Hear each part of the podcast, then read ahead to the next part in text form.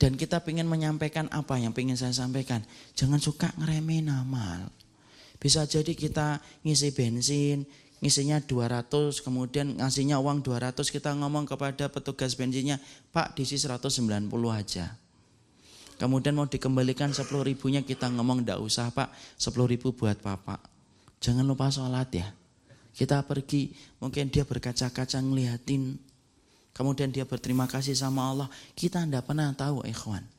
Makanya Rasulullah itu begitu luar biasanya mewakili perintah yang sebaik ini dengan mengatakan surga itu lebih dekat daripada tali sandal kamu. Makanya berbuat kebaikan tidak pernah putus kepada orang yang beriman dan beribadah kepada Allah. Karena kita tidak pernah tahu di antara amal itu manakah yang akan menyebabkan kita masuk surga. Itu yang keempat. Yang kelima, ya, sudah dididit, agak kita cepatkan dikit nama Pak. Yang kelima, sekarang mari kita bahas. Ada sebuah syubhat dalam masalah doa. Banyak orang yang kemudian kalau sudah berkaitan tentang doa, kemudian masalah surga, maka mereka tidak mau meminta surga itu yang paling tinggi. Dan selalu kemudian apa? Sungkan minta Allah itu surga yang paling tinggi. Sudahlah, dikasih Allah surga yang pinggiran juga tidak apa-apa. Ya, Padahal Nabi kemudian menyampaikan dalam satu riwayat yang sahih, "Idza sa'altumullaha fas'aluhu fil dausil a'la, fa innaha 'alal jannah." Padahal Nabi sudah memberikan wanti-wanti kepada kita dan koridor kepada kita. Kalau kamu berdoa sama Allah itu, mintalah surga itu yang paling tinggi yaitu Firdaus karena itulah surga yang paling tinggi. Itu kata Rasul. Artinya hadis itu kemudian disyarah, dijelaskan oleh banyak ulama salaful ummah. Mereka menyampaikan bahwasanya termasuk adab kita dalam berdoa itu tidak boleh sungkan, tidak boleh malu. Karena sesungguhnya yang malu itu Allah kepada hambanya kalau hambanya itu mengangkat tangan dalam berdoa, kemudian hamba itu menarik tangannya dalam keadaan kosong. Kita tidak boleh sungkan kalau sudah meminta kepada Allah, terutama kepada terutama dalam masalah yang berkaitan surga.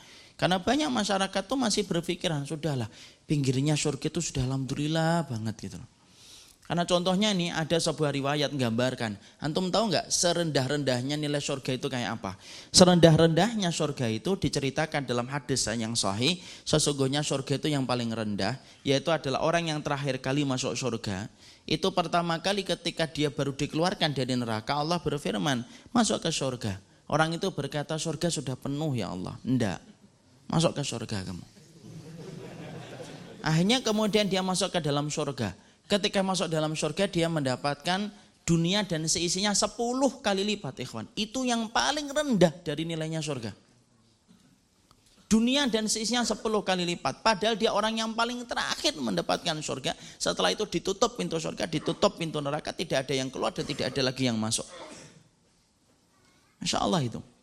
Kalau kita membaca hadis ini tidak dengan ilmu, apa yang kita akan katakan dalam doa, ya Allah, yang ini aja ya Allah sudah alhamdulillah banget.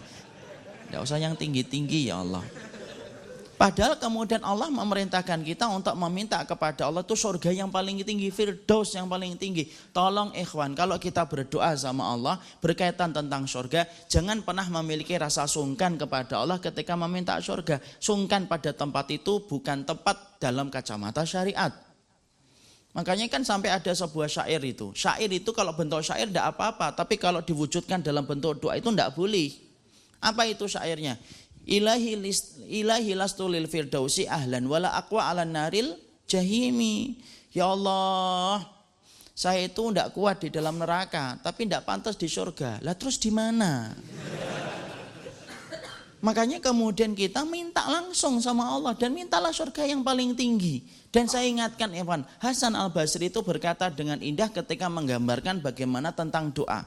Beliau mengatakan, siapa orang yang paling banyak mengetok pintu adalah orang yang paling besar dibukakan pintunya oleh sahibul bait. Antum ikhwan kalau ngetok pintu, sekali mungkin sahibul baitnya tidak membukakan pintu karena baru sekali antum mengetok pintu. Kalau antum mengetok dua kali, mungkin belum dibukakan juga karena baru dua kali dan mungkin tidak terdengar. Tapi kalau antum mengetok pintu berkali-kali, sahibul baitnya akan membukakan pintu itu bagi antum. Apa korelasinya dengan doa? Korelasinya kuat. Siapa pun yang banyak mengetok pintu langit ketika dia merangkai doa, ketika meminta sama Allah, maka itulah orang-orang yang paling besar kemungkinannya akan dibukakan pintu-pintu langit dan surga kepadanya ketika rajin mengetok pintu. Jangan remehkan doa, karena doa itu merubah yang mustahil menjadi mustajab. Itu doa. Dan termasuk di antara ibadah yang penting itu meminta surga dalam setiap ucapan kita. Makanya para ulama terdahulu, kalau diingat ingatkan ya, kalau kata salaf itu ulama terdahulu, itu sampai kemudian mereka itu tidak pernah meminta dunia setelah mereka tidak pernah meminta dunia kecuali setelah mereka meminta urusan akhirat.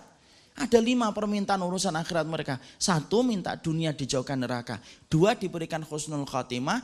Tiga, diberikan kepada mereka istiqomah. Empat, diberikan hidayah. Lima, diampuni dosanya. Yang pertama apa? Minta surga ikhwan.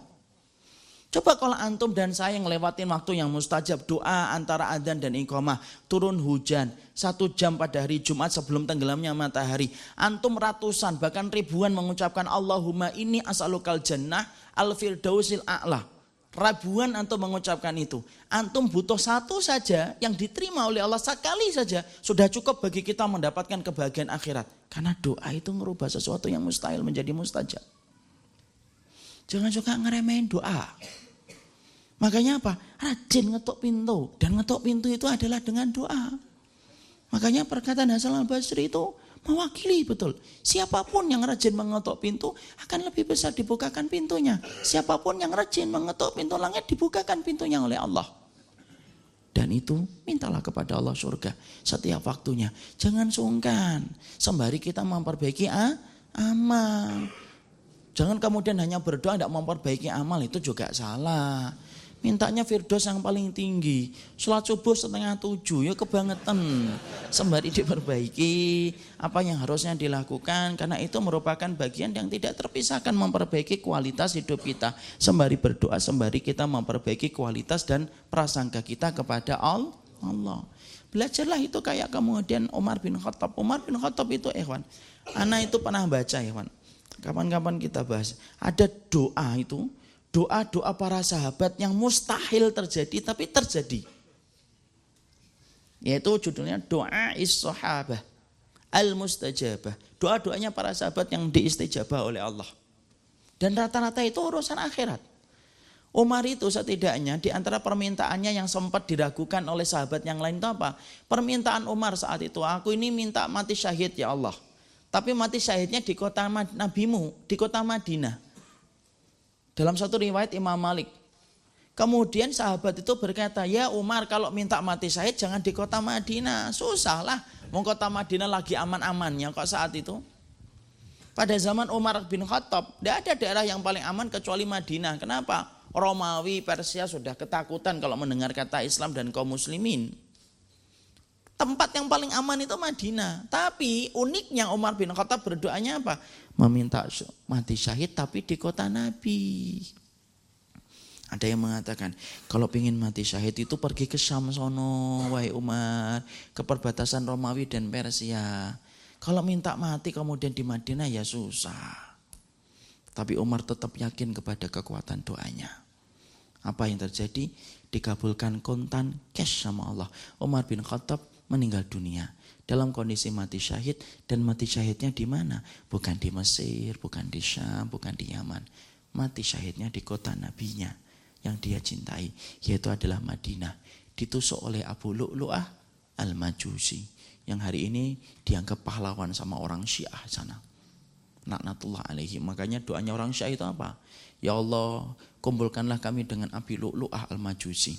Kita masih mengaminkan. Amin insyaallah. Dikum, dikumpulkannya di mana? Ya, di neraka. Neraka itu bagi pembunuhnya Umar bin Khattab. Tapi di situ kita ngelihat apa? Itulah kekuatan doa.